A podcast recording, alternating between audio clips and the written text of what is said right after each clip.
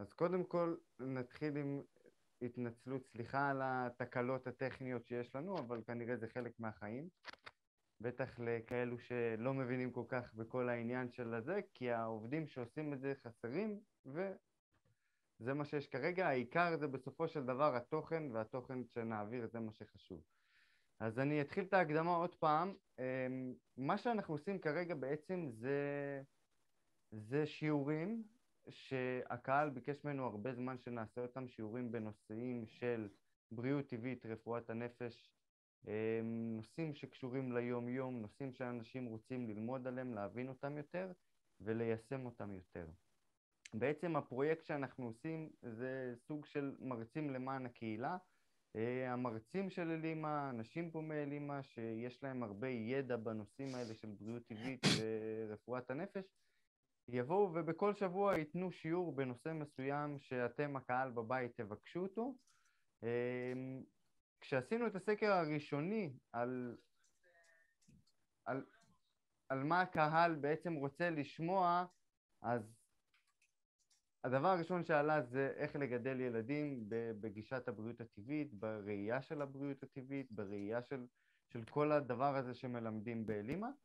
אמ, אז זה בעצם, עכשיו אנחנו נתחיל עם השיעור הזה, שזה יהיה בעצם סדרת שיעורים של מינימום שלושה שיעורים, יכול להיות שזה יימשך ליותר. אותם יעביר אה, יאיר פוקס, אה, המרצה של כיתה בריאות טבעית שהוא מלמד במכללת אלימה. יאיר, מה שלומך? אתה שומע אותי? מצוין, מעולה. רואים אותנו? שומעים אותנו? רואים, שומעים, נראה לי אנחנו עכשיו פיקס, מה שנקרא. נפלא. איך אתה מרגיש היום? אני מצוין, ברוך השם, מעולה. איזה יופי. אז על מה אנחנו הולכים לדבר היום? הרי אה, לגדל ילדים בריאים זה לא מתחיל ונגמר במה שהם אוכלים בגן או בבית, אלא זה משהו שהוא קצת יותר גדול מזה. אז אה, נכון, נכון. אה, גדל ילדים בריאים זה מה שכולנו רוצים. למעשה כולנו רוצים להיות אנשים בריאים, כולנו רוצים להיות בריאים. וזכינו, כן, זכינו להיות הורים, דבר אה, עצום, ממש לא מובן מאליו. וגם מי שעדיין לא זכה, בעזרת השם שיזכה במהרה. וגם אנחנו כל הזמן מגדלים את עצמנו, אז אפילו מישהו כבר uh, סבאלה, עדיין uh, צריך uh, יסודות של חינוך.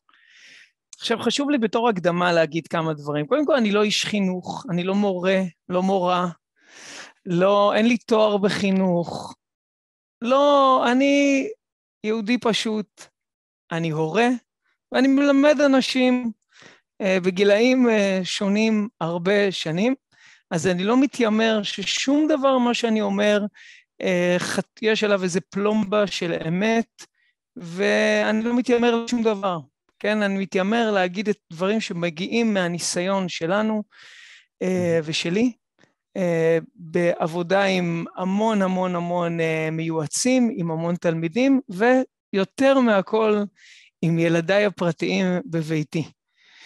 אה, זה הדבר ראשון. דבר שני, המטרה של כל מה שנדבר מעכשיו היא רק לעודד. אין לי שום מטרה לתת לאף אחד פה בראש. אין לי שום מטרה שאף אחד לא ישמע ויבין, וואי, בוא'נה, איזה דפוק אני, איך אני טועה, איך אני מפספס, איזה מין הורה אני. א', כי כולנו מפספסים, כולנו טועים, כולנו מלאים בפדיחות, ואני לא רוצה שזה יהיה פה איזה שיעור מוסר. אני ממש רוצה להתרחק, לפעמים אני נופל למקום הזה, מה לעשות? השם מרחם עליי, אז אם בטעות זה, אתם מרגישים את זה, זאת לא המטרה. המטרה היא שנתחזק ביחד. אני רואה, אני עובד על השיעור הזה ככה מתחילת השבוע, ואני ממש שם לב שעצם זה שאני עובד עליו, הפך אותי להורה יותר טוב. אני ממש מרגיש את זה, כאילו פתאום התחלתי לשים לב לטעויות האינסופיות שאני עושה בתור הורה, ולהתחיל לתקן, והפירות הם מדהימים, ממש ממש אתה רואה את השינוי של הילדים, מהיום למחר, וזה לא אמור להיות ככה בחינוך, אבל uh, כנראה היה פה איזה סייעתא דשמיא להבין שאנחנו קצת בכיוון, אז uh, זה כהקדמה להכל. עכשיו, מה שאנחנו ננסה לעשות, אני באמת לא כלום, רק ננסה להבין כמה אמירות של חז"ל uh, מאוד מאוד פשוטות על חינוך, להבין מה אנחנו מבינים מזה ולתת לעצמנו את היסודות.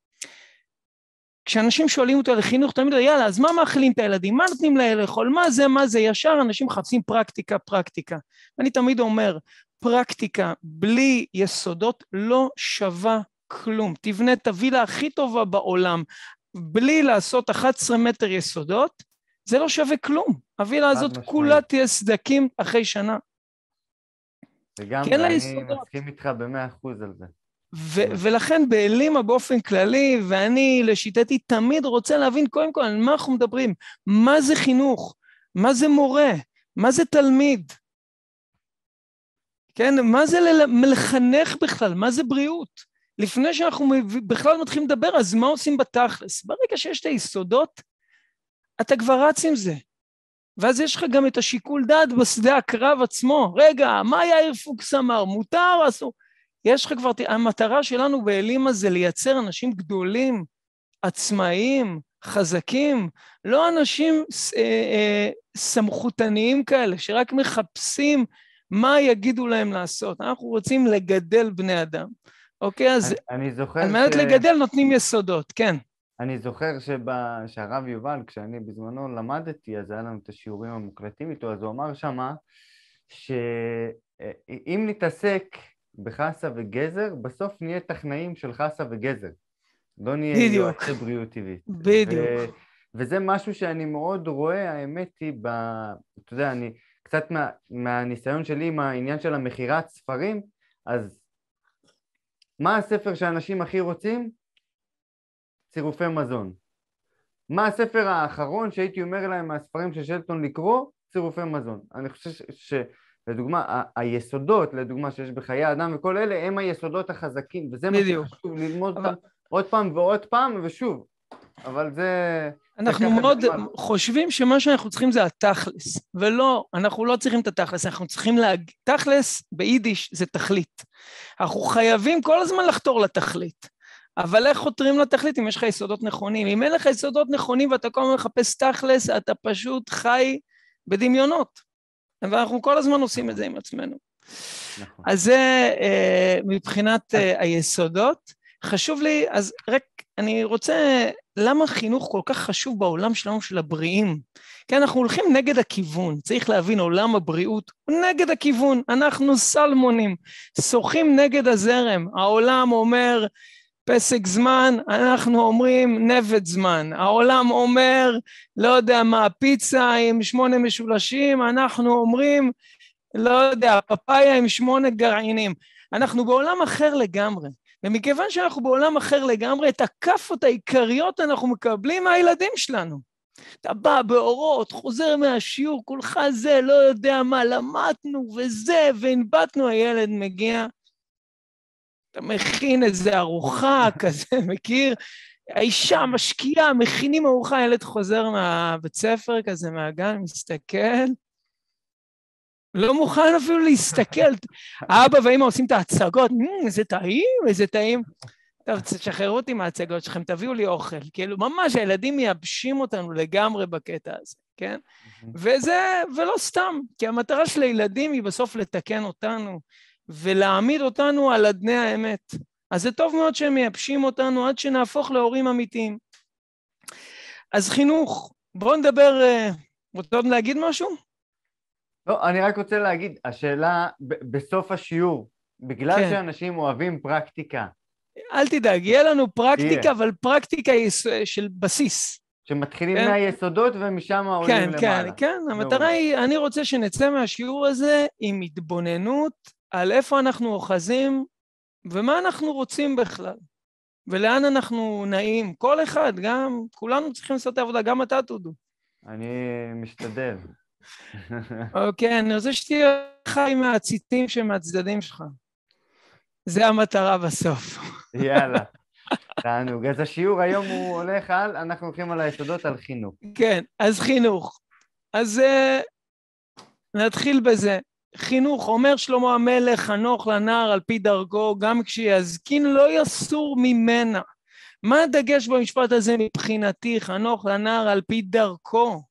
על פי דרכו ולא על פי דרכי. ולא על פי דרכי.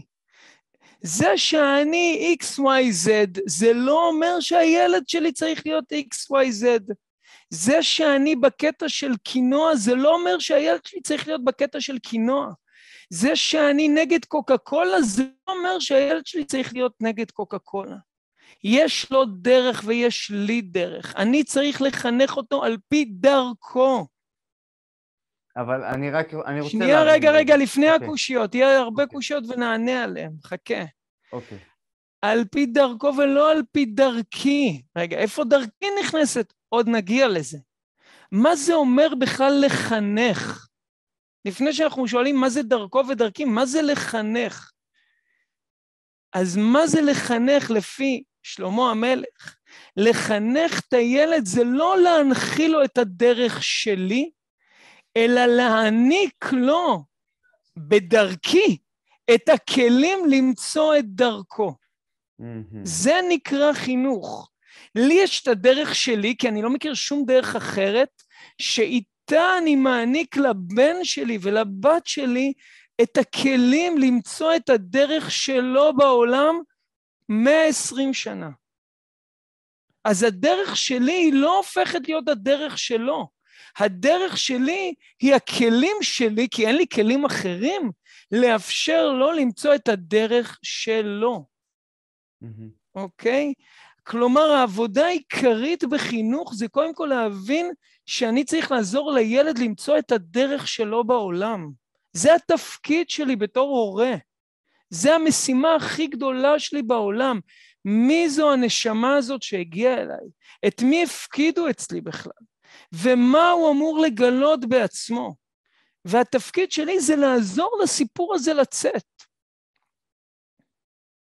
כן, ההורה לא סתם גידול ילדים וגינון חולקים את אותם, אה, אותן מילים, כן? גנן וגננת, גן ילדים, נכון? למה זה נקרא גן?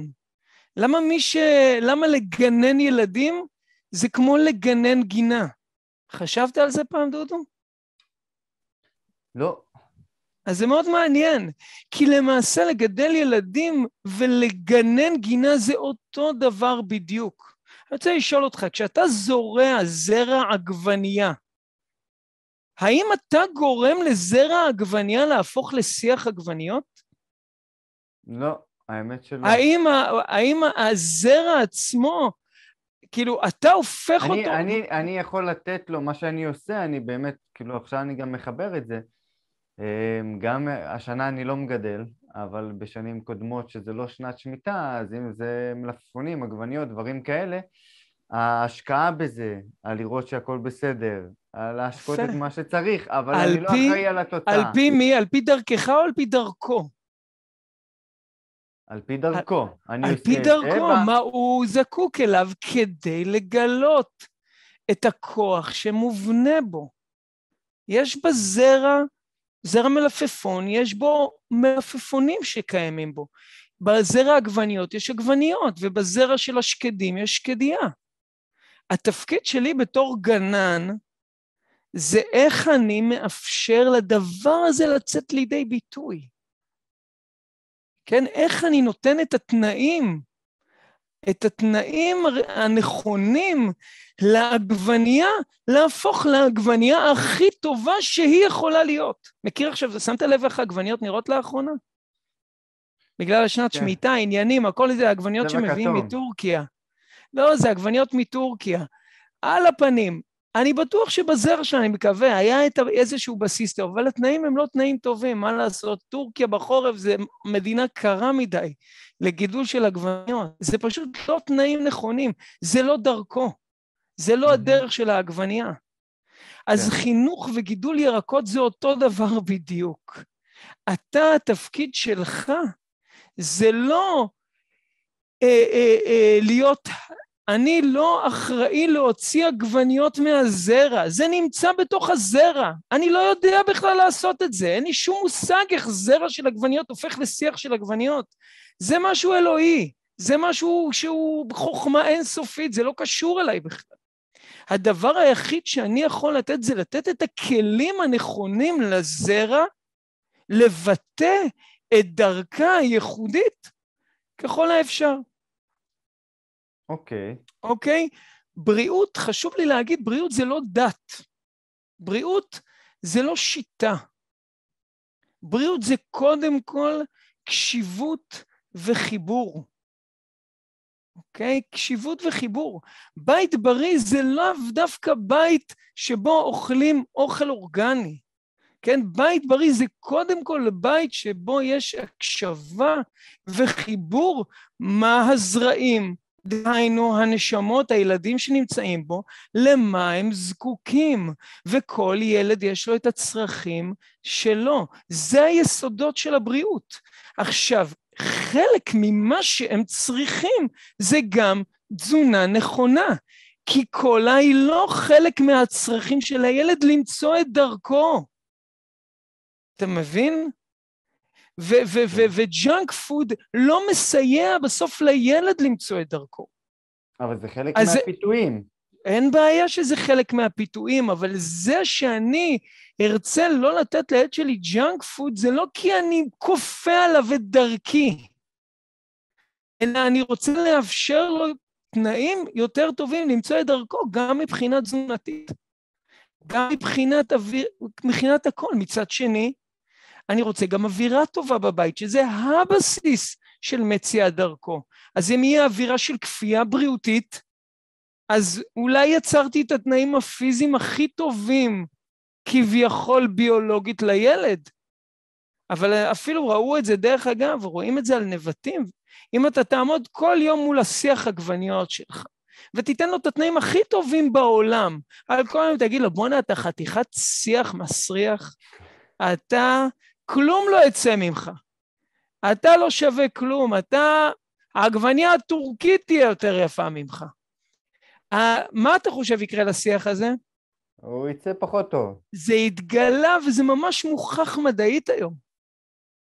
כן, אתה צריך לעמוד, להגיד לו, תשמע, שיח, איזה עגבניות. כל עגבניה מלמיליאן. אתה בנדורה של הבנדורה, אתה הולך לצאת. כלומר, האווירה, אם היא משמעותית עם שיחי עגבניות, קל וחומר פי מיליארד בערך עם הילדים שלנו. אז נכון שהתנאים הבריאותיים הביולוגיים שאני מעניק לילדים שלי הם חלק מהכלים למציאת דרכו, אבל אם הם לא ייעשו בצורה נכונה וחכמה, אני מחריב את הילד מלמצוא את דרכו. ואני רוצה להגיד, שבתור אה, יועץ כבר משהו כמו עשר שנים בעולם הבריאות, לא מעט הגיעו אליי הלומי קרב מבתים בריאים. אנשים שגדלו אצל אימא שהיא, לא יודע מה, בת דור של הבן אורי, לא יודע מה, אבא שלי היה חבר של אלי שטראוס, כל מיני כאלה, אתה מבין? והגיעו כן. אליי כאלה. ואתה יודע מה, למה הם באו אליי? הם אמרו לי, אני לא מסוגל להסתכל על אוכל בריא. תעזור לי, אני רוצה, אני כבר אדם מבוגר, אני כבר הורה בעצמי, אני רוצה לאכול בריא. אני לא מסוגל. אני לא מסוגל, יש לי אנטי בלתי נתפס לזה. לא יכול להסתכל על זה בכלל. לא יכול להסתכל על זה. למה? אוקיי. אווירה. גמרו אותי, כפו אותי, סגרו אותי. כן? אבל אתה יודע, זה, זה לא... מאוד, לי, לי זה מאוד מתחבר, כן. כאילו בהרבה דברים, אני גם כבר הרבה שנים בעולם הבריאות הטבעית, ומאוד מתחבר לי, אמרת בהתחלה בריאות טבעית היא לא דת, בריאות היא לא דת. Mm-hmm. עם זאת, יש הרבה מאוד מרכיבים שבין הדת לבריאות שהם מאוד דומים, מזכירים אחד את השני, מה אני מתכוון? אם זה בחזרה בתשובה, או אם זה בחינוך ילדים, אם זה בכל הדברים האלה, אני מאוד רואה את הדבר הזה. אני, אני רוצה להגיד לך משהו, אבל זה, אתה הרמת פה להנחתה, גם דת זה לא טוב שהיא תהיה דת. אני גם לא בעד דת. אדם צריך להיות יהודי פשוט, מאמין, רוצה לקיים תורה ומצוות, אין כפייה ברוחניות. אם נכון, אדם יכפה בדיוק. את הדת היהודית על הילדים שלו, אז יהיה לו אחלה שבאבניקים בכיכר ציון. שם במלך הפלאפל והשווארמה שם למעלה בשטראוס. זה מה שיהיה לו. קל נכון, וחומר נכון. אם הוא יכפה את הרוחניות של החסה. קל וחומר, בן בנו של קל וחומר. חד משמעית. לא כופים שום דת. גם הדת היהודית, אם הופכים אותה לדת, היא נהיית מאוד מסוכנת. דת זה מערכת של אמונה, מערכת של ערכים, זה תפיסות עולם, אבל לא להפוך את זה לאיזה כפייה, לאיזה חוק בל יעבור, כי אם אתה תעשה את זה, אתה תחריב גם את חורבן ילדיך, אה, חינוך ילדיך לעניין הזה. אותו עניין בדיוק, וזה אותן גם. טעויות, אז... בדיוק, הטעויות שנעשות אצל ילדים. אני קורא לזה שבאבניקים של בתים בריאים. החבר'ה האלה שהגיעו אליי, ממש. שבאבניקים של בתים בריאים. השניאו עליהם, ואנחנו בתור אנשים שחפצים בבריאות צריכים להתפלל שילדינו לא יגיעו למקום, ואני כבר אומר, ילדינו יגיעו למקום של השבאבניקיות, וטוב שהם יגיעו למקום של השבאבניקיות במידה מסוימת. למה? בדיוק על זה נדבר כרגע. אז צריך לדעת, משפט שני, אומרים לנו חז"ל, משפט מדהים, מדהים, פשוט מדהים, מסכת אבות, תמצית החינוך. לא הביישן למד ולא הקפדן מלמד. תחשוב על זה. לא ביישן למד. ביישנות זה תכונה טובה או רעה? ביישנות? תכונה... תלוי איך משתמשים מה, מה שלושת מאפיינים של בני ישראל? אחד מהם זה ביישנים. ביישנים, רחמנים, גומלי חסדים. ביישנות זה אה. תכונה נפלאה. מה ההפך מביישנות? ההפך מביישנות זה עזות. ההפך מביישנות זה עזות. עזות זה תכונה טובה או רעה? אז פנים לגהנם, נכון? כן, עזות זו תכונה רעה מאוד. עזות זה קדושה, לא? או, יפה. יש גם, אה, אה, ואז כנמר, לעשות רצון אביך שבשמיים. אומר לנו פה התנא, לא הביישן למד. ביישנות היא תכונה נפלאה, אבל לא לתלמיד. ואם לא לתלמיד, גם לא לילד. ביישנות היא תכונה חיובית ביסודה, אבל תלמיד חייב עזות. מה זה עזות? ואז כנמר. מה מאפיין הנמר? קראתי, למה אז כנמר? מסתבר. ראית פעם נמר? נמר הוא לא איזה חתול מי יודע מה גדול. זה נכון. חתול בית פי ארבע כזה, אפילו לא פי ארבע, פי שתיים. הוא יותר קטן מ... בהרבה מאיזה לברדור, כן? וקל לא, וחומר... למה? נמר? נמר? נמר הוא לא כזה גדול, תבדוק, תבדוק בוויקיפדיה. זה לא טיגריס וזה לא אריה, זה חתול, לא אוקיי. פראייר, אבל זה לא מפלצת. אבל מה שמאפיין את הנמרים, היה נמרים, עד היום יש כזה במדבר יהודה איזה נמרה אחת שלום ציון שמחפשים אותה. בכל מקרה, מה שמאפיין את הנמרים, שהם עזים, הם מעיזים לבוא ולקחת טרף בפני דובים ובפני אריות. יש להם תעוזה מאוד מאוד גדולה. הם לא מתביישים מגדולים ומחזקים מהם. זה המאפיין של הנמרים. זה לא הטורף הכי חזק, אבל זה טורף עם עזות מאוד מאוד מאוד גדולה. אומר לנו התנא, ילד צריך עזות. עזות מול גדול ממנו. מי זה הגדול ממנו? אתה, דודו, ואני, או המורה שלו. כלומר, היסוד של הילד הבריא זה להיות אז בצורה נכונה. מה זה אז בצורה נכונה? הוא לא יסמן. ילד בריא הוא לא יסמן. ילד חולה הוא יסמן. ילד הרוס הוא יסמן. ילד בריא הוא לא יסמן. למה הוא לא יסמן? כי ילד בריא הוא ילד שמחפש את דרכו בעולם, ואם הוא מחפש את דרכו בעולם, הוא חייב להתנגד למי שמנסה להתוות לו דרך, שזה ההורה. הוא חייב, זה חלק מהבריאות שלו.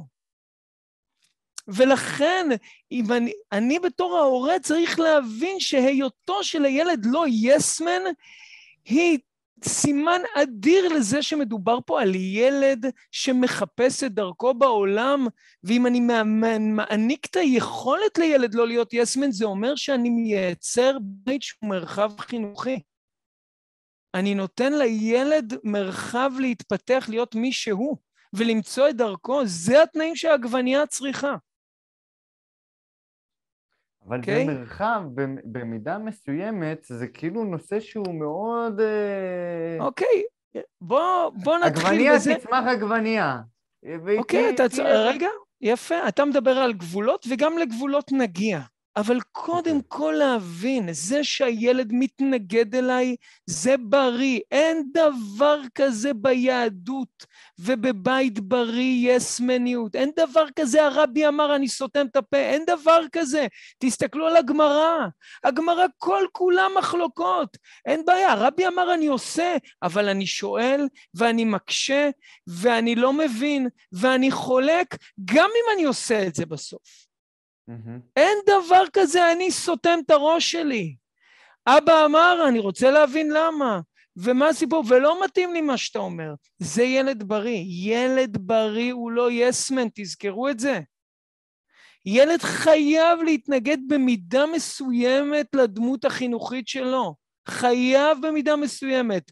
אם הוא לא יעשה את זה אף פעם, יש לכם ילד אני אומר, ילד שלא מתנגד בכלל, בכלל, בכלל, בכלל להורים שלו, זה ממש, אה, לא יודע מה. זה, זה ילד שמשהו בנפש שלו מאוד מאוד לא בריא. מאוד מאוד לא בריא. אני לא חושב ש... יש הרבה כאלה, אבל יש. ויש לנו איזו פנטזיה שזה יהיה הילד שלנו. חס ושלום. כשאתם רואים את הילדים שלכם מתנגדים, תשמחו. יש לכם ילד שהוא לא הביישן למד, הוא לא ביישן, הוא מעיז. כמובן, זה לא צריך להיות עזות אה, רעה, זה צריך להיות התנגדות uh, קיצונית לשם התנגדות. אבל הצורך ההתנגדותי של הילד הוא מובנה בו, והוא בדיוק מה שבו הוא מתפתח. ככה מתפתחים. אם אין התנגדות, אין התפתחות, זה בדיוק מחלוקת לשם שמיים, זה בדיוק היסוד של זה. עכשיו שימו לב איזה מדויק התנא, לא הביישן למד ולא הקפדן מלמד. מה שנדרש מהמורה או מההורה זה התכונה המשלימה למה שנדרש מהילד. הילד צריך להיות עז ולא ביישן, וההורה צריך להיות לא קפדן. כי הורה קפדן הוא הורה שרוצה יסמנים. הורה קפדן הוא הורה שרוצה שהילד יעשה בדיוק את מה שהוא רוצה. אז אם אתה קפדן, אתה רוצה ילד ביישן. אז זה לא סביבה חינוכית, זה לא סביבה שמתאימה ומפתחת ילדים. לכן מה שנדרש מאיתנו בתור ההורים זה לא להיות קפדנים. עכשיו, קפדנות זה לא תכונה שלילית. הרי אם נחזור למשל לגנן שלנו, אני רוצה גנן קפדן, נכון? נכון. מקפיד על התנאים הנכונים, על הדשן, על לזרוע בעונה הנכונה, על לשים את זה מול השמש, על להשקות. וואלה, שכחתי להשקות שבועיים. בוא'נה, איזה מין גנן אתה? כן, מקפיד על קלה כבחמורה. אדם שיודע אה, אה, להקפיד על כל פרט ופרט. הקפדה היא דבר לא רע, אבל בחינוך ילדים, הקפדה יכולה להיות התכונה המסוכנת ביותר שיש. עוד מעט נדבר איפה כן ההקפדה נכנסת. אבל קפדנות היא סכנה גדולה מאוד.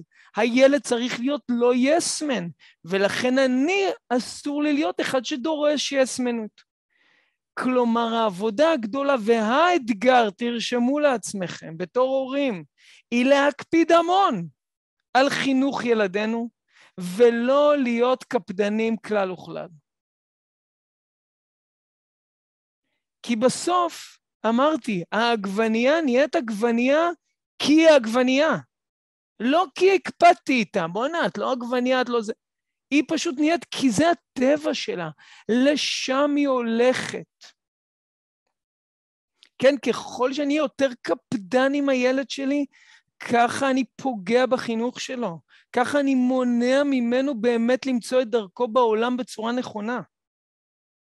כן, אני מסרס את הילד ו- ופוגע לו ב- ב- ב- בדבר, בכלי הכי עוצמתי של ההתפתחות שלו. עכשיו, אני כבר אומר, אני רק מדבר ואני, עולים לי בראש כמה קפדנויות יש לי והיו לי עם הילדים שלי. אז אני לא רוצה שלאף אחד פה יהיה איסורי מצפון. זה שאנחנו צריכים לא להיות קפדנים, זה שאיפה. זה שאנחנו עושים את זה, מה לעשות? אנחנו לא מושלמים. אז לא הקפדן מלמד, מי כן? או, מה ההפך מקפדנות? סבלנות. הסבלן מלמד ולא הקפדן מלמד. כלומר, אני צריך להקפיד מאוד שיהיו לילדים שלי התנאים הכי טובים בעולם להתפתחות שלהם ולחינוך שלהם, אבל אסור לי לייצר אווירה קפדנית ומרחיקה בכלל. אני צריך להקפיד שהם יקבלו את כל מה שהם צריכים לקבל, אבל לא להקפיד איתם בכלל. לא להקפיד על להיות מאוד סבלני. כי בסופו של דבר, מה אני רוצה? בתור אתה אה, בן לבעלי תשובה, נכון דודו? כן. אז מה בעל תשובה רוצה הבן שלו? הוא רוצה שגם הבן שלו יהיה בעל תשובה. הוא לא רוצה בן דתי מבית. כזה מישהו שכאילו, יאללה, בסדר, אני שומר שבת כבר 30 שנה, כי אני שומר שבת מגיל אפס. בסופו של דבר ההורה הבריא רוצה שהילד שלו יגיע לבריאות מתוך בחירה. הבת הגדולה שלי. אני לא בטוח, אבל שזה מה שאנשים רוצים, אה, בעלי תשובה, לפחות לא במציאות, אולי ב... אז, אז, הם טועים, אז כדאי שהם יתחילו כאילו... להתאפס על עצמם, וכן לרצות את זה. 아, אה, כי זה בסוף אני לא רוצה שהילד שלי עושה את מה שהוא עושה מתוך תחושה שהוא נאנס לזה, נכפה לזה, חויב לזה, התרגל לזה. אדם. צריך לפעול בעולם מתוך בחירה. וככל שאתה מרגיש שבחרת ועיצבת את חייך יותר, אתה אדם יותר חזק בעולם הזה. אני לא רוצה שהילד שלי יהיה בעל תשובה שהגיע לרחוב וחזר בתשובה. לא, חס ושלום, אבל אני רוצה שהוא יהיה אדם שבוחר בבריאות, בתזונה שלו, ובשם יתברך באמונה שלו מעצמו. ואני יכול להגיד על עצמי שאני, יש לי בת בת 16, ו... לא חסר, כן, אני, היה לה, ההתנגדות שלה לעולם הבריאות לא הייתה קטנה בכלל. והיא מעצמה באה אלינו לפני שלושה חודשים, אחרי שהייתה בפנימייה, ואכלה שם את כל הזבל שבעולם, ואמרה, די, אני לא מתקרבת יותר למוצרי חלב, אני לא מתקרבת יותר ללחם לבן, זה פשוט עושה לי רע. לא נוגעת בזה. עכשיו, היא מוצרי חלב יותר קיצונית מאיתנו. כאילו, הילדים מדי פעם מביאים להם איזה פינוק, היא אומרת, אה, אתם עושים זה? טוב, אה, תנקו טוב את הכלים אחרי, אני לא רוצה שאריות בכלל מהטעם של המוצרי חלב האלה, כן? כשזה בא ממנה זה עוצמתי. זה לא כן. לא בא ממני, זה בא ממנה. אני, מה ש... אני מקווה שנתתי לזה את הרגישות לשים לב אליה. לשים לב לעצמה, לשים לב לקשר בין תזונה לבריאות שלה, והיא שמה לב לבד שהגיעה לפנימיה, התחילה לטחון שם מוצרי חלב ולחם לבן, כי זה מה שהיה שם.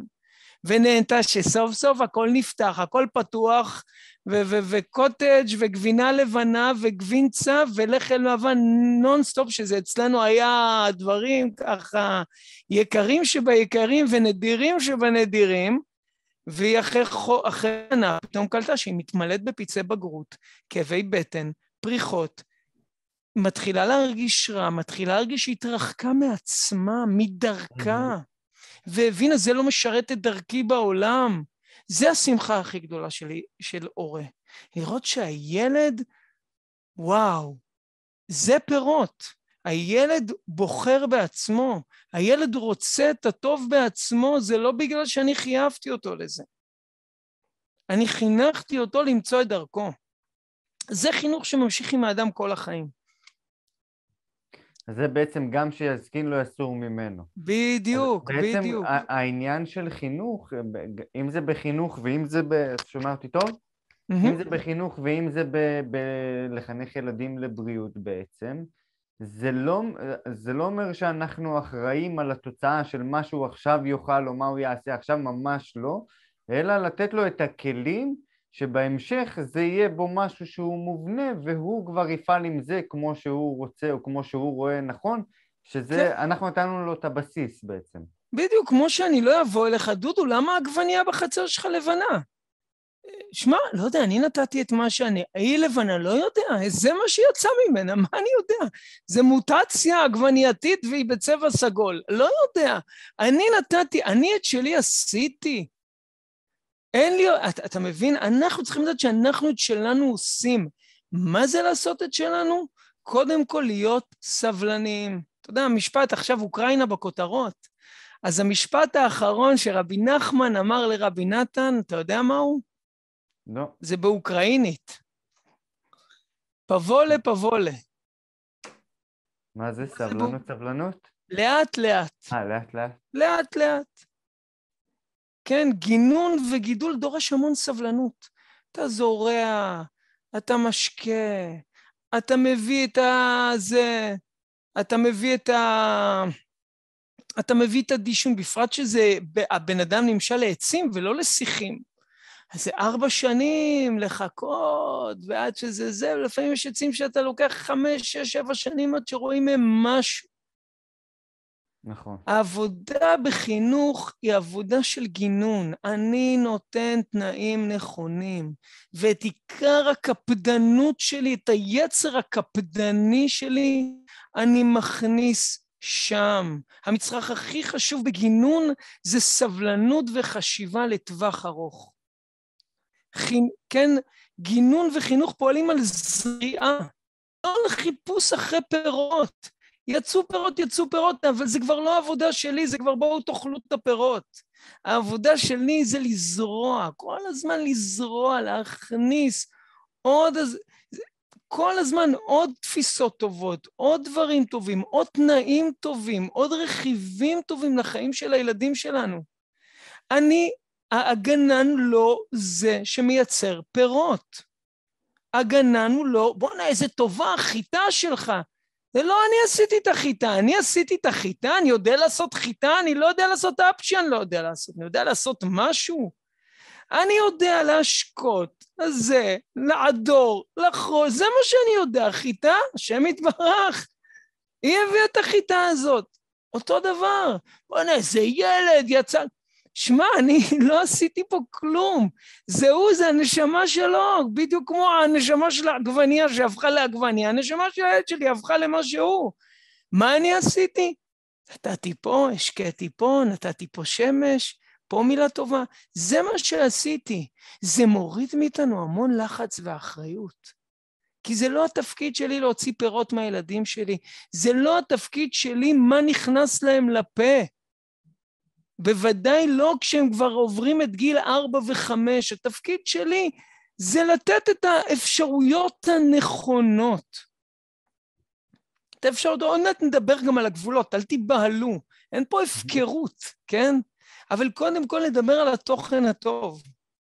זה, זה אם נסכם את מה שדיברנו עד עכשיו, זאת אומרת, mm-hmm. ה, ה, הנטייה הטבעית של כל מי שמגיע לעולם הבריאות הטבעית, בדרך כלל זה לרוץ למה אני נותן לילד לאכול, מה המתכון שאני מכין לו, מה אני עושה מה, לו, מה, מה אסור לו, כן, מה מותר לו.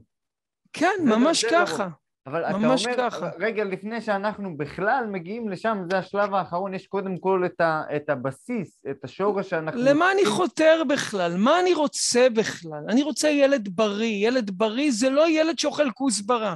ילד בריא זה ילד שיש לו קשיבות לכל חייו לדרך שלו בעולם. ילד עם חשיבה עצמאית, ילד עם התבוננות על המציאות ועם קשיבות לעולם הזה.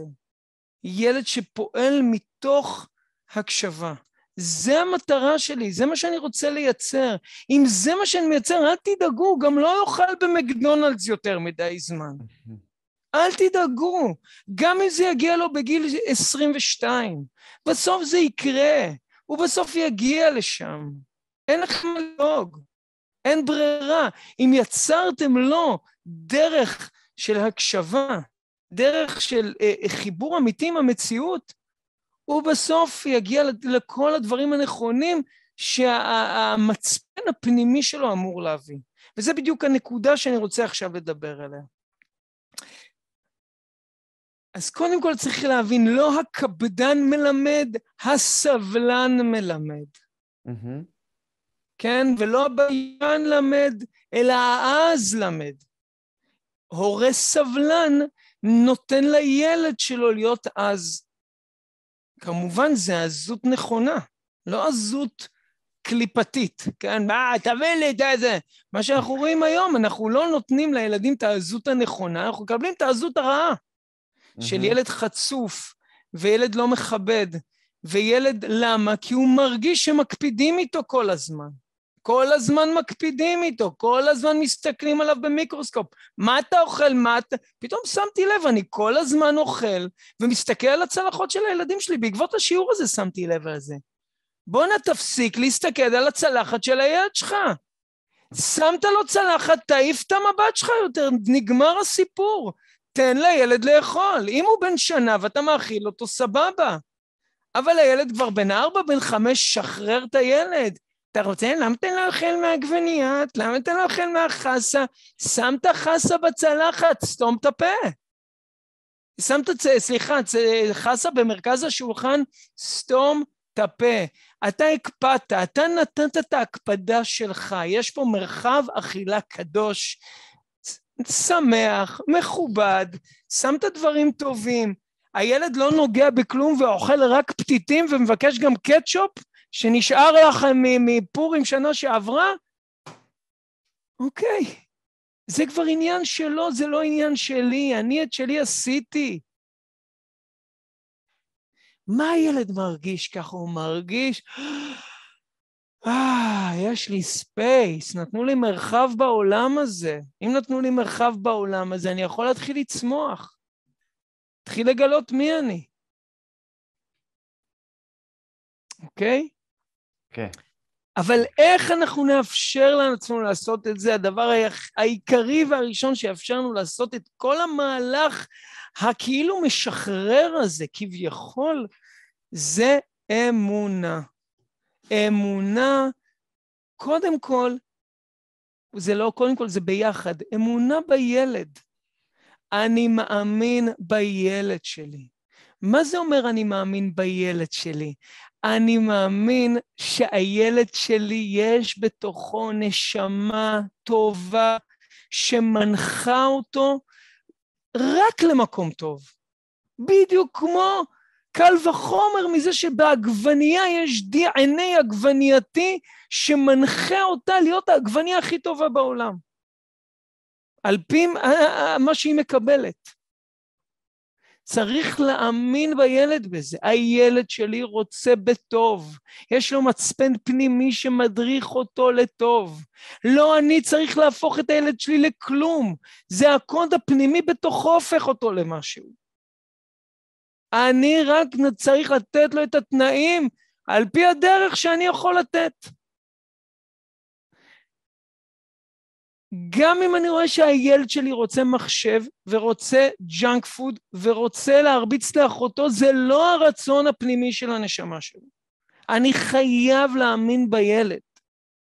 היסוד של החינוך זה להאמין בילד, או ילד מרגיש שיש לו... מה זאת אומרת זה לא הרצון הפנימי של הנשמה שלו? זה לא הרצון. הפנימי, זה השאור שבעיסה, מה שנקרא. זה היצרים, זה הפיתויים. אני מאוד רוצה להיות בריא, אבל מה לעשות, אני נופל. הייתי אתמול ב-Yellow, והיה שלוש ועשר פסק זמן טעמי ושמממי, והייתי נורא עצבני ועסוק ולא יודע, מוטרד מעניינים, ושלוש בעשר, שלוש שניות, בום, נכנסו. זה אומר שאני לא רוצה אוכל בריא? זה אומר שאני רוצה אה, לא להאריך ימים? זה אומר שאני לא רוצה להיות... אני רוצה הכל. אז מה? אז מה? אז ראיתי שלוש בעשר, וזה זה ישב לי על תביא לי טעם מממי, וקח פסק זמן, רגע מתוק בחיים. אתה מבין? אותו. דבר, הילד yeah. כן. קל וחומר. קל וחומר, אז אני יודע לנסח את זה. קל וחומר, הילד בתוכו רוצה להיות טוב. הוא רוצה לעשות את רצון בוראו, הוא רוצה לעשות את רצון הוריו. הוא לא רוצה להיות עז ומתנגד, הוא חייב לעשות את זה. אבל הוא בסופו של דבר רוצה לעשות את הטוב, והוא רוצה לשמח את ההורים שלו. הוא רוצה לשמח את בורא עולם. הוא רוצה להיות הכי טוב שהוא יכול להיות.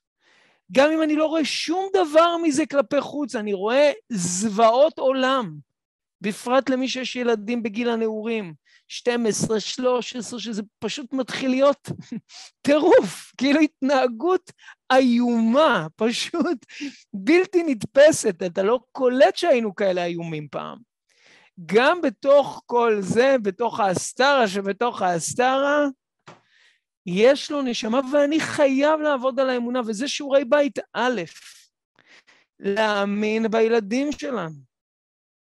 לעבוד על זה, להאמין בילד שלי, הילד שיש איך, לו נשמה. איך אנחנו שחצ... מבטאים את זה לדוגמה ביום-יום? רגע, יש לו נשמה שחצובה מכיסא הכבוד, בסופו של דבר להאמין בילד שלי זה להאמין בבורא עולם. אין הבדל, ילד, הורה שלא מאמין בילד שלו, גם לא מאמין בבורא עולם, גם אם הוא עם שטריימל ביום שבת. אני חייב להאמין בילד שלי. להאמין שיש לו נשמה טובה שמנחה אותו למקום טוב. וזה הדבר הראשון, לחזק את האמונה שלי בילדים שלי. איך אני מחזק את האמונה בילדים שלי? מה שאנחנו עושים עכשיו, מדבר את זה, פשוט מדבר את זה, אומר את זה בפירוש.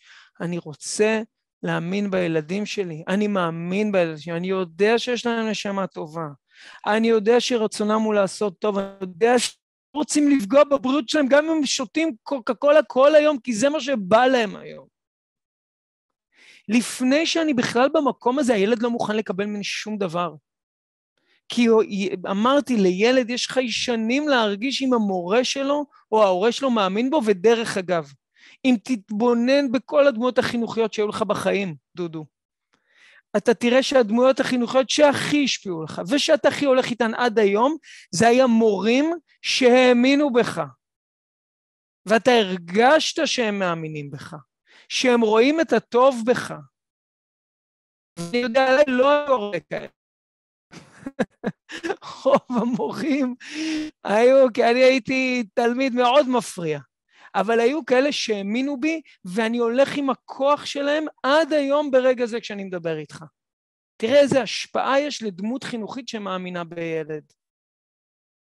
והעיקר שאני בתור הורה אאמין בילד. הדבר הכי נורא בעולם זה בתור הורים לגלות שאנחנו לא מאמינים מהילדים שלנו, מאוכזבים מהם, מבואסים מהם, מיואשים מהם. אז לא מעניין אותי כמה הילדים שלכם לא רוצים לקבל את האוכל הבריא שלכם. קודם כל תעבדו על להאמין בהם. מה שהרב קרליבך אמר, כן. לא? אמ, כל ילד צריך מבוגר אחד שיאמין בו, כל מה שילד צריך זה מבוגר אחד שיאמין בו. יפה, נכון, הזכרת לי, זה בדיוק מה שהוא אומר. אז זה הדבר הראשון, יש לנו עוד זמן או שאנחנו... זה? יש לנו עוד אה, ארבע, חמש דקות, כן. וואו, טוב. אז נגיע רק לדבר השני. הדבר השני שההורה צריך לעשות זה להבין, אחרי שהבנתי שאני מאמין בילד, עכשיו אני רוצה לראות מה אני רוצה, מה הרצונות שלי ביחס לילד. מה אני רוצה, איזה תנאים אני רוצה להעניק לילדים שלי, מה אני רוצה שיאפשר להם למצוא את דרכם. אני רוצה שיהיה אוויר נקי בבית, אני רוצה שיהיה מים טובים וזמינים, אני רוצה שיהיה שפע של פירות, אני רוצה שיהיה אווירה טובה, אני רוצה שיהיה תקשורת כן, אני רוצה שיהיה תקשורת אה, אה, בין בני הבית, לפחות פעם ביום שיחה ביני לבין כל אחד מהילדים, שיחה ביני לבין אשתי. להתחיל לפרוט את הרצונות שלנו. מה אנחנו רוצים? לא איזה כפייה, לא איזה הקפדה, לא איזה קפדנות. כן, אני רוצה שיהיה מינימום מסכים בבית. עכשיו, ברגע שאני מתחיל להגיד את הרצונות על הדרך, מה מתחיל להיבנות בו? גם את הגבולות של המרחב שאני רוצה לייצר. Mm-hmm. ברגע שאני מתחיל להגיד את הרצונות שלי מהבית, כלומר, בתור גנן, איזה תנאים גינוניים אני רוצה להעניק לבית שלי. ברגע שאני מעניק את זה, אני גם פתאום גם מייצר את הגבולות. פתאום מתחיל לצוץ לנו הגבולות של הבית. אני מאוד רוצה שיהיה שיחות בבית, אני פחות רוצה שיהיה באייה בסמארטפונים. אני מאוד רוצה שיהיה שתיית מים, אני פחות רוצה ויטמינצ'יק. אוקיי, אז יש פה עבודה א' של אמונה בילד, חיזוק האמונה שלי בנשמה הטובה שיש בילד. ודבר שני, התוודעות לרצונות שלי לבית. מה אני רוצה שיהיה בבית? מה אני רוצה להעניק לילדים שלי. אני מאוד מאוד רוצה שהילדים שלי לא יאכלו לחם לבן. אה, אוקיי, הילדים שלי מאוד רחוקים מזה, הם מחזירים את כל הסנדוויץ' לחם מחמצת שאני נותן להם, ורק לחם לבן רך הם מוכנים לאכול עם שוקולד. זה המצב כרגע, אבל מה אני רוצה? אני נורא רוצה שהם ילכו עם לחם מחמצת עם אבוקדו אורגני ונבטי אלפלפה. זה מה שאני רוצה. אוקיי, מעולה. זה לא קורה כרגע, אבל זה מה שאני רוצה. אוקיי? Okay, ברגע שאני מתחיל לנסח את הרצונות שלי, אני מקבל מרחב עם עצמי. אני משחרר מעצמי את הלחץ. אני משחרר מעצמי את הקפדנות. אה, וואי, הילד שאוכל לחם עם שוקולד, וואי וואי. תרגיע. זה לא מה שאני רוצה שיהיה, אבל זה מה שכרגע קורה, אוקיי? אם, אם זה במסגרת הגבולות, משהו שאני מאפשר לו לקרות. אבל, אבל אני כבר לא בפאניקה מזה, כי אני יודע מה אני רוצה. גם אם מה שאני רוצה, לא, אני רוצה עגבניות, אבל מה לעשות שעכשיו תחילה, לא יודע, חורף, ו- ולא לא גדלות עדיין עגבניות. מתי הפירות יגיעו? מתי שהם צריכים להגיע. אבל את הרצונות שלי בתור גנן אני צריך לדעת. מעולה. אז אם, אם נעשה um, סיכום קצר, תגיד לי... אני, רגע, רק שנייה? ואז... כן, אני רואה אוקיי. משפט אחרון ואז... אני מבין שעיקר ההקפדה שלי לא על הילד, אלא על מרחב החינוכי, המרחב של הבית. זה עיקר ההקפדה. כן? וממילא כשאני עושה את זה, אני מייצר שיח, אני מייצר התבוננות, אני מייצר מרחב שיתופי עם הילד, שמאפשר בסוף לרצונות גם להגיע לידי מימוש. מתי? לא יודע. זה תלוי כבר במצפן הפנימי של הילד, תלוי בסייעתא דשמיא, תלוי, וזה גם לא עניין שלי בכלל. זה לא עליי. לא עליי המלאכה לגמור. אנחנו שוכחים את זה בתור הורים. בדיוק, נכון. אוקיי? וממילא ההקפדה היא נהיית מטלה של השתדלות, ולא מטלה של כפייה. אוקיי? ואני נהיה יותר מול משהו שלא כל הזמן עומד עם דרישות הישגיות מול הילדים שלי. הילדים של חברה שלי אוכלים לחם מלא. למה הילדים שלי אוכלים רק לחם לבן? אני יוצא מהמשחק הזה. אוקיי, קנאת סופרים תרבה חוכמה, אני רוצה, אבל זה המצפן הפנימי של הילדים שלי, וזה המצפן הפנימי של הילדים של שפרה. כל אחד והמשחק שלו. עד כאן להיום. אז זה אמרנו, דבר אחד. אני רוצה, דבר שני, רצונות. כן, רצונות? כן. אה, ניסוח הרצונות, לנסח את הרצונות. הרצונות שלי מהמרחב החינוכי של הבית. מה אני רוצה?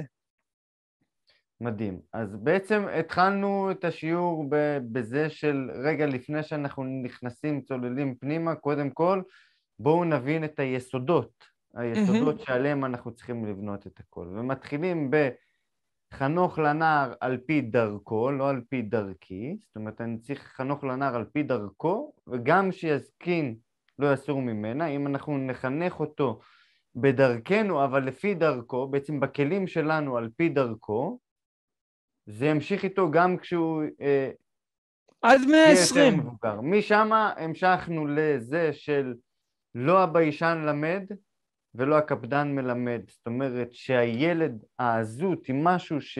שהיא מובנית בו, זה לא אם הוא רוצה להיות כזה או לא רוצה, זה פשוט משהו מובנה. זה הבריאות זה הדרך שלו. שלו ללמוד את החיים בעצם, להבין את החיים, לנסות ככה. אותם ולבנות אותם. ומשם אנחנו ממשיכים ללא הקפדן מלמד, שזה אנחנו בעצם ההורים, אנחנו צריכים להיות הפוך מקפדנים, אסור לנו להיות קפדנים על הילד עם כל הזה, אלא אנחנו צריכים להיות סבלניים. נכון?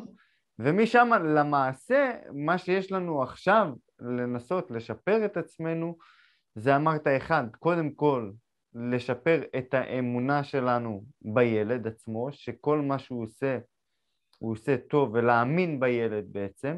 זה לא כל מה הוא שהוא עושה הוא עושה טוב, לא הוא עושה דברים. איומים. כן, אבל הוא, אבל- רצונו הפנימי הוא בטוב, המצפן שלו הוא טוב. יש לילד שלי מצפן מושלם. המצפן הזה קוראים בורא עולם. אז קודם כל אני מאמין, לפני ש... הדבר הראשון, הבסיס, אני צריך להאמין בילד, ואז משם השלב הבא זה לנסח את הרצונות. מה הייתי רוצה שיהיה? כן, בתור רצון, להגיע? מה אני רוצה ש... מה אני רוצה שהילדים שלי יעשו? מה אני רוצה, איפה אני רוצה לראות אותם גם אה, בעתיד? הכל, אבל הכל בגדר ניסוח רצונות. ניסוח רצונות מוריד מאיתנו המון לחץ, המון המון המון לחץ, המון המון מתח. ממילא הוא מייצר סביבה חינוכית נכונה, שנזכה. מדהים, זה, זה מתחבר, יש uh, שיטה כזאת שנקראת GTD, Getting Things Done.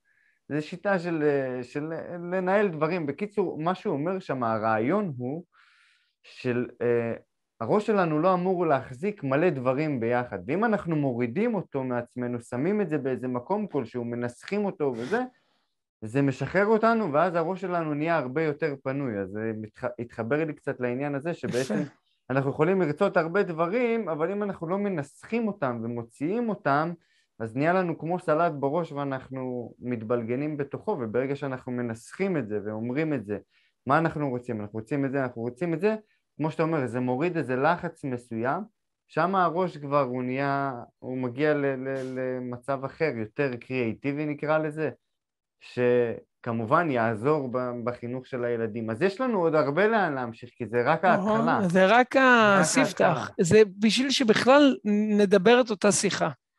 לגמרי.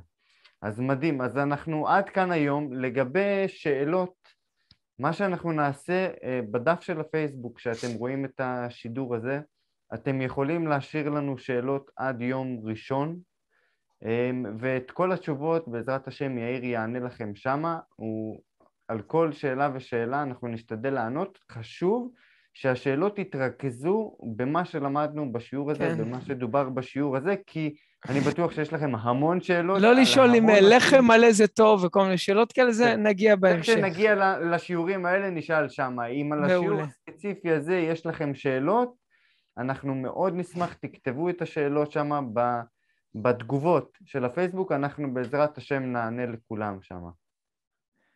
נפלא, לא רק שאלות, אני גם uh, תגובות והפריה, וכמה שיתעורר פה שיח שיבנה את כולנו. בסוף כולנו רוצים להיות uh, הורים יותר טובים, מחנכים יותר ואני טובים. ואני בטוח שמהמאזינות והמאזינים של הזה, יש, יש להם הרבה מה לתרום, יש להם הרבה מה לתת, ובאמת זה רעיון טוב, נשמח ש, שאם יש לכם נקודות לחידוד, אה, רעיונות ודברים לכתוב שם, אנחנו יותר מנשמח שתכתבו את זה. אז תודה רבה לכולם, שיהיה סוף שבוע נפלא. תודה רבה, יאיר. בבקשה. אה, ובעזרת השם נתראה שבוע הבא. אמן, אמן. שבת שלום. טוב.